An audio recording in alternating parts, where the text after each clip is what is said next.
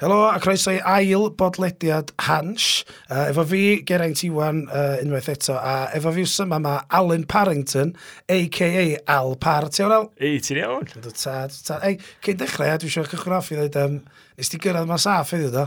Just about. Ti dod o Carmel, dweud? Yn Carmel, os ddim yn adra ddim yn gwybod, Carmel, mae'r tanna mwr di bod. Do. Gogledd Cymru. Do. Pe oedd o fan da, nos, nos lun. Nos yeah, lun, dim yeah. chi oedd cychwyn o'na? O'n i'n gwaith, na, Yn yn gwaith. Alibi, strong alibi. Gwrna ni CCTV yn gwaith, diolch. Mae pobl wedi gorau cael ei symud o tai, felly da? Do, os di, do, cos ti cael tan yna, mae'n patch huge o dir, so ti cael tan unwaith bod i dau flynydd, ie.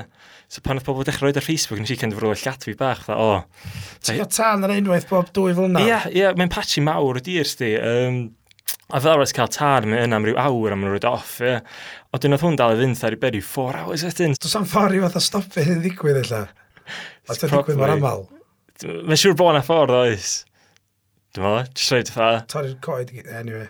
Ond ti saff, anyway, bod ti'n iawn. Nes ti'n gwrdd symud allan o tu. Na, na, na, ochr arall cyntra. Diolch fi. Dwi'n falch iawn, falch iawn o gled. Dwi'n meddwl bod mae electric yn ôl, mae pob adra yn saff on, so... Ond electric ddim daff i. Do, sti, do. Ti'n dweud ochr arall i'r pentra, yn ta dais yna? Eitha yw 50. Na, ta ddim. dwi wedi bod yn garfod, so 50. so, ochr allu pentra lawr lôn, dwi'n meddwl, de. Dwi'n meddwl, y ffordd o gwynt yn mynd, um, ah, mynd right. ar tân, oedd yn defo'r ochr arall, troed mynydd yn lle ochr ni. Na ni, oce. Okay. Wel, na chdi, da ni wedi cyfro ar y pethau um, sy'n digwydd yn y byd go iawn. Da ni yw'n mynd i fynd nôl mewn i byd hans, dyna oh, chyfod mae pobl yma. Um, da ni gychwyn efo uh, clip, dwi'n meddwl, o wbeth um, eitha groundbreaking nath yn neud ar hans doi. Um, No'n i chwarae'r clip gynta, a wedyn o'n i siarad amdano fo. Amazing. Helo Hans o'r Arctic. Dwi yma yn Svalbard sydd yn ynys hanner ffordd rhwng Norwy a uh, North Pole. Dwi wedi bod yma ers dros, dros bythefnos. Mae wedi bod yn ola fel mae'r holl amser dwi wedi bod yma. So mae wedi bod yn brofiad go wahanol bod yn fama dechrau o, diwedd mis Mehefin i'r tywydd da chi wedi cael adra. So y rheswm dwi yma, dwi yma efo Ben. So mae Ben a fi, y ddau yn ni o Gymru wedi bod ar y gwch, cwch wylio um, am y pethefnos dwytha yn ei gwaith ymchwil ar y lefela plastig yma yn yr Arctic. O'n i byth yn dychmygu sy'n ni'n cael y cyfle i ddod i y rhan yma'r byd am bod yma wedi bod yn hollol wefreiddiol. Ond um, o ran y gwaith da ni wedi bod yn gwneud, da ni wedi bod yn gwneud gwaith ymchwil ar y lefelau plastig. So, da ni'n gwneud gwaith ar y dŵr ei hun, so da ni'n rhedeg trol am intervals o 20 munud i gael samples o'r haen ucha o ofor. So mae un y cant o plastig yn arnofio a mae rhan fwyaf yn fo'n syddo. So os ti cael syniad o faint o plastig sy'n ar wyneb y dŵr gen ti wedyn syniad am faint sy'n ar wylod y môr. Um, ac y plastig yma sydd yn arnofio ydy'r Wel, mae bron, mae yn beryclach na'r plastig sy'n syddo, achos mae anifeiliad yn bita'r microplastig yma.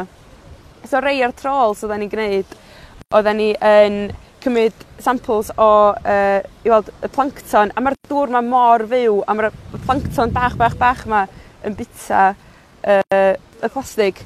Dwi ddim yn wyddondraig, ond gen i ddiddordeb, a dwi'n meddwl, mae lot o hyn amdan, mae yna lot o ystadegau, a mae yna lot o ymchwil gwyddonol yn cael ei wneud, ond mae yna lot yn efo mor relevant iddyn ni yn bywyd ni bob dydd a lot o bethau bach allan ni gyd yn neud. Os da chi'n penderfynu o fori ymlaen, da chi'n mynd i brynu dim un potel dŵr arall, mae hwnna'n gwneud gwahaniaeth enfawr. Mae ma nhw'n meddwl bod un potel yn gallu para am 400 a hanner o flynyddoedd.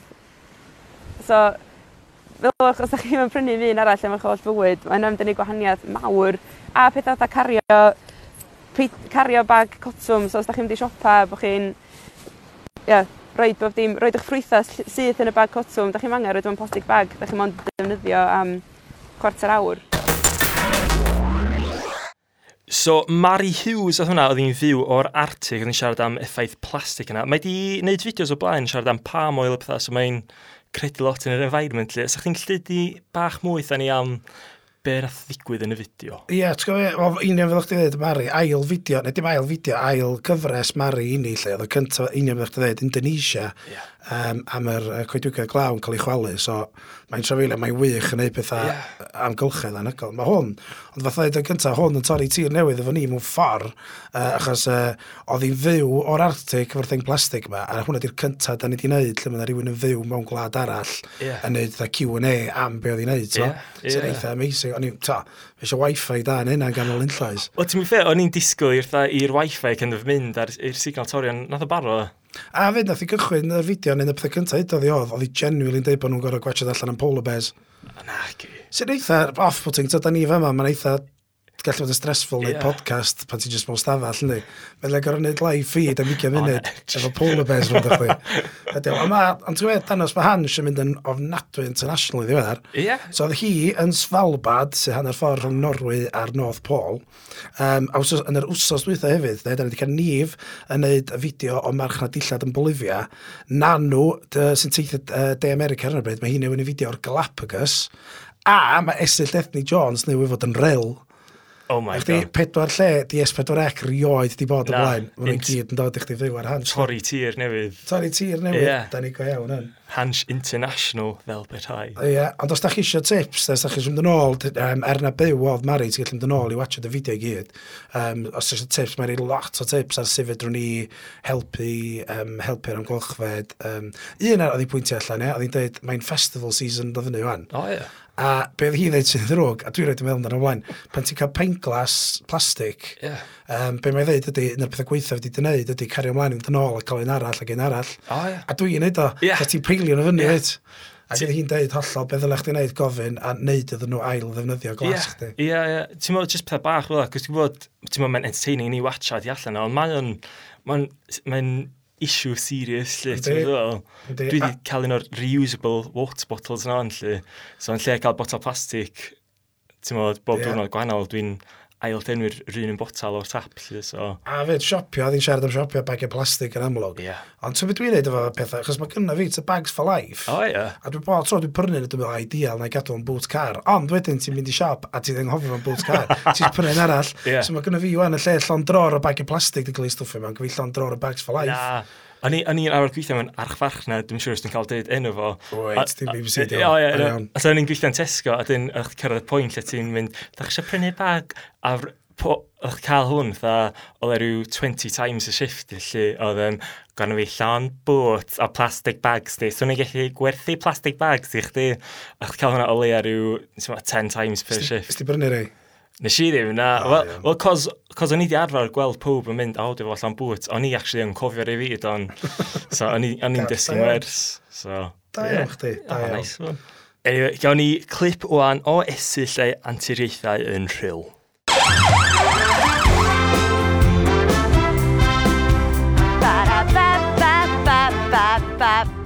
Dyma hen ffair rhyl, lle oedd plant Gogledd Cymru arfer dod i gael near-death experiences a drips ysgol Sil. Erbyn heddiw, mae'n cael ei ddefnyddio fel set i ffilmio penodau o Scooby-Doo, Fake Taxi a'r hit sitcom Young Sheldon. Spin-off! Mae'r Hill yn enwog am ei celebs, neu'r enfogion wedi cael ei geni yma a gadael unwaith o'n nhw'n gallu, fel y ferch o Steps, uh, Steve Strange o'r Avengers, y murderer, Ruth Ellis, uh, Richard Nixon, uh, y brainy bird na, Carol Vorderman, a'r sweaty comedian, Lee Evans. Felly, dyna chi, Rill. Ie, yeah, esillaeth ni fanna, uh, Al, un o'r pethau gorau am fideos esill, bod tro comments pobl. O, oh, ie. Yeah, Mae'na yeah. lot o bobl yn comentio. Uh, Sgynnwch chi neu ddau o comments ti wedi bod drwyddo nhw da? Nes i ffeindio rei quick, nes i just screenshotio nhw, so mae Llinas yn deud, mae hi'n neud o edrych yn well na ydi o go iawn. So mae hwnna'n un positif. Dyna mae'n anodd na. Na, di, ddim o gwbl. Uh, Barod sgwni da. Near Death Experiences ar drips Ysgol Sil, Laughing Face Emoji gyn Helen. Um, be arall? Sbio yn quick one. Torri calon i weld o fel hyn, mi roedd rhyl fel Disneyland i fi yn tyfu fyny deprived childhood gyn llion. A dwi'n meddwl i roed yn diwedd, dal yn well na beth yw'r coed, like. Ti'n gwybod, dwi'n gallu dweud, dwi'n bod fi'n bach, dwi dal yn berson ifanc, ti'n gallu dweud, bod fi'n bach, dwi'n meddwl, achos dwi'n gwybod mi yn comment am y centre. Na, na, mae'n edrych mynd o'n ddo. Mae di mynd, a sa'n ebri weld yn cofio fo, o bobl sy'n gwachio hans, sydd yn beth da, dyfodol Cymraeg, to. Ie, ie. Ond o'n a lot o comments, yn lle bod hynna'n dweud mwy am bobl ifanc, yn licio, na un o'r scenes cyntaf fideo, bod na police car, No. Yn pasio, ac y pob fatha, ie, da chdi, rhyl. Ti'n meddwl, dwi bod rhyl lot, ia. Dwi, a, dwi, dwi, dwi roed cael, ti'n siwr, dwi roedd cael bad experience yna, as of yet. Sa chdi ddim, ti'n ma cael y Blackpool chwaith, mae dal y shit, dwi. Wel, ie, ie, ond dyna ni, ie, hyn oedd y Heina oedd yr unig comment dwi'n gallu ffeindio, really. O, oh, actually, mae'n un arall yn dweud, um, I don't understand a word, but I reckon it's funny. A dwi'n rwy'n di reply o'n mynd, if you have one reason for learning Welsh, let it be this. Laughing face emoji, gyn Lucy. Briliant, conversation, yeah. da iawn. So, um, fideo arall, a allan os oes yma, uh, mae yna comments gofyn cwestiwn am hwnnw ydy fideo ti nhw. Yeah. Uh, cyfres ar nhw annoying. Yeah. Nes i arall eirio hwnna, ne, Oedd chdi yn annoying yn y fideo. Ah, ie, dwi'n, ond... Oedd cyfres ar nhw annoying. So, uh, ti eisiau esbonio bobl adra um, Ella bod eisiau esboniad efo nhw? Ie. Yeah. Be ydy annoying? Na esbonio, gobeithio, dwi'n i'n gobeithio bod y fideo yn siarad dros dy hun, lle na i roi esboniad y hun i sy'n bach yn narrow-minded.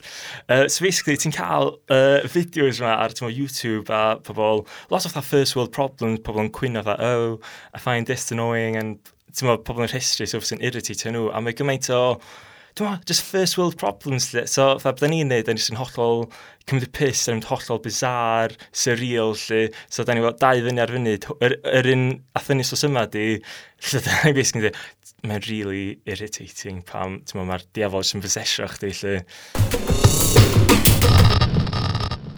Fucking bastard, fucking bitch, oh, come on. O'n i dro rhwng dre, a na eisiau contact, ych chi brynu bob dim. Tap, tap, tap, tap, fucking fanny tits. Cyn heddiw, dwi wedi lladd bobl tra'n possessed.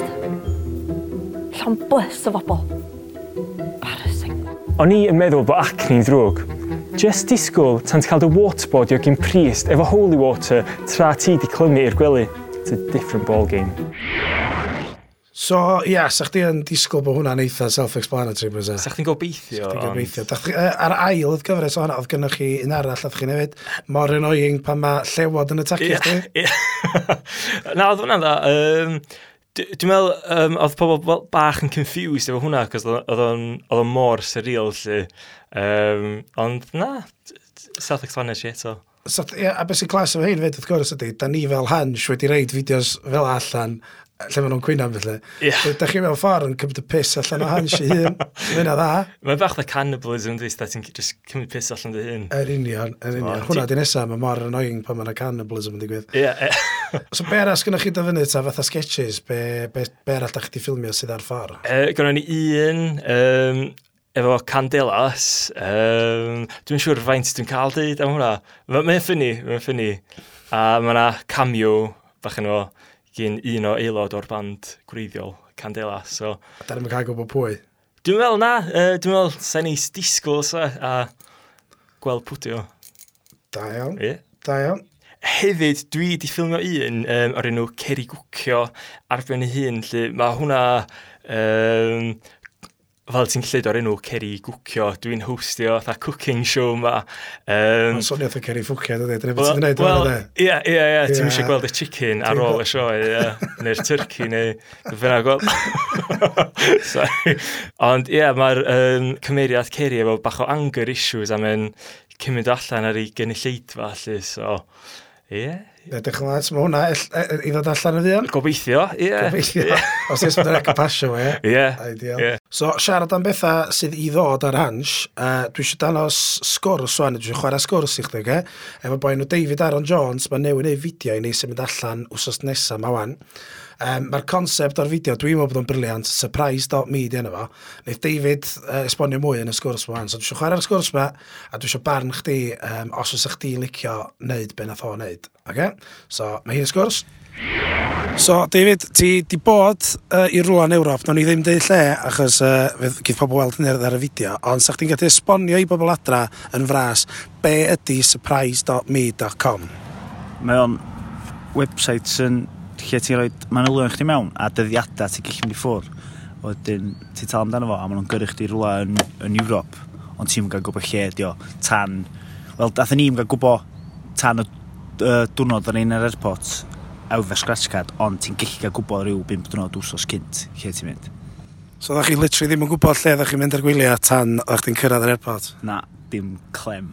Ti roed yn rhywbeth fel aflaen? Na, ddo, erioed. A oedd o'n hwyl o bethau a gathon ni laff, ond uh, o'n i'n stres de, cyn, cyn mynd arno fo, am bo, fel arfer ti'n chi planio yn union beth ti'n wisgo, lle ti'n mynd, ti'n gwybod be, sut fydd y tywydd yna, a ti'n gwybod os ti'n mynd i fynd i nofio, nes ti ddim, nes ti'n gwybod, wel dwi, dwi'n checio lle fydd i fynd am fwyd, lle fydd i fynd am drink, lle, lle fydd eraill fynd i nofio, y traeth, neu be bynnag. So, o'n i'n methu ni ein byd, so, diwrnod neu ddau cynt, o'n i yn stressed. be am sefyllfa pres o felly? Wel, all dyna di o, oedden ni'n gwybod, oedden ni'n newid pres tan oedden ni gyrraedd yna, bo uh, oedden ni'n gwybod lle ni'n mynd, am yna lefydd yn Europe lle sydd ddim yn iwsio'r euro, so oedd hynna yn topio fo fyny fyd. So, eto, no ni'n dweud gorm achos oedd hyn, efo weld y fideos dda allan yn y dyddiau nesaf, um, yn union be ddigwyddodd, lle athoch chi, be gathoch chi wneud yna. Um, ond ar y cyfan, fysa chdi yn annog pobl i fynd ar y website surprise.me? So ni yn neud o, fatha, ti'n otha, ma'n rhywbeth hwyl, a sa'ch chdi'n neud o ryw stag neu, neu jyst fatha pen blwydd rhywun ond dwi'n mynd i dweud dwi'n mynd i dweud ia. Mae'n stressful mae'n nhw'n cynt. So David Fyna yn siarad am surprise.me uh, beth ti'n fel y concept yna? Mae'n swnio'n amazing. Dwi'n meddwl potentially um, dwi'n licio planio ahead. So dillad wise neu ti'n meddwl sy'n yeah. gwybod dwi'n mynd. Ond Na, amazing, ie. Yeah. Mae'r ochr yna fel o David yn dweud o fanna, mae yna Mae'n elfen o stres yno, achos dwi wedi bod ar gwyliau allan na rhywun arall i trefnu fo i fi o blaen. A, a na. Mae'n dibynnu sy'n trystio'r person yndi. Ah. Ond os ti'n manabod y bobl, yeah, yeah. os cwmni o Holland ydy hein, yeah. sgi ti'n syniad pwydy nhw. So mae'n elfen o stres yna adeiladu. Ond, dwi'n dweud o fy hun, dwi'n meddwl. Ti'n meddwl? Do. Dwi'n meddwl sy'n gallu, ysdi? Sa'ch ti ddim yn gwybod? Na, na, na. Pob tro da ni'n neud ei out sy'n fath, fi dyn sy'n trefnu, a... Ah, right, ti'n yeah. pryd mae'r tren, pryd mae'r connection, pryd mae'r entry ticket ni i rhywle, so swn i'n methu, dwi'n meddwl. Swn i'n... Un, un darn diddorol o fideo na swn i'n cyd allan fideo ydy um, nath y pedwar neu tri cwpl o bobl uh, wrthod wneud o. No way. O, di fod yn deg, o'n i wedi deithio nhw'r reiddiol na mi rown Sir Fôn oedd nhw i wneud yn trefi a bod nhw'n gorfod campio. A nath o tri set o bobl dweud, na, David a Ryan oedd y ddau. Yeah. Ia, stwffau fydd yn hwyl, ti'n Ie, ie. So, fe mynd yn olygu, i gwrs, pan da ni'n cynnig i chi wneud pethau, Ie. cymwch nhw. Fydden nhw'n gwachod dwan, fydden nhw'n clywed hwn, fydden nhw'n cicio hyn. Ond i fod yn deg, tra nesaf fydden nhw'n probably cynnig iddyn fynd i Ewrop, ond actually gyrru nhw i'r lotha rhyddlan am weekend, ti'n Ond ie, so, surprise dot me, mae'r fideo yna uh, ar ei ffordd allan uh, yn y dyddiau nesaf, Ie, dwi'n yeah. meddwl. ie. A mae'n rhan sy'n gres. Hefyd yn dod fyny mae Sgrimier, mae di chwilio am y takeaways gorau Cymru, wa mae'n chwilio am y tafarnau gorau yn Cymru. E, mae nhw dal yn chwilio, so os da chi eisiau mynd ar un o fideos Sgrimier, comentiwch um, eich tafarn lleol neu'r tafarn goran Cymru yn eich barn chi, dwi'n meddwl, Black Boy, dwi'n meddwl... Clint Twrog, ylla'r eich yn amlwg. O oh, ie? Yeah. Ie. yeah. Really? Dwi'n meddwl. Na, illa ddim, ond illa gael peint am ddim am dde hynna. O. Oh. Da ni cael eisiau job ni'n hynna, dan. Mae cynhyrchydd yn ysgrifennu pen. Na, da ni'n cael, sorry. Oh, Alla ni hwnna'i cytio. Ond, ie, yeah, dwi'n meddwl Black Boys cael fwt fi. Right. Ar ôl flwyddyn o wneud fideos, mae'n amser cymryd mlaen her newydd. Her am y haf hyfryd sydd o mlaen. A fel maen nhw'n dweud, sun's out, scramir's out. Felly, yn y fideo nesaf, dwi'n ddod o hyd i dafarn gorau Cymru. Mae'r criteria yn syml iawn, oce? Okay? Bwyd da, peint da, ac awyrgylch da. Chi eisiau cael peint gyda sgramur? A lle ddylen ni fynd? So na fe, tafarn gore Cymru. Rwch gwybod yn y comments isod. Nawr, So ie, yeah, uh, sgramir, uh, dal i chwilio am fanna, cynwch chi um, draw at i fideo fo i ddweud beth ydych chi feddwl.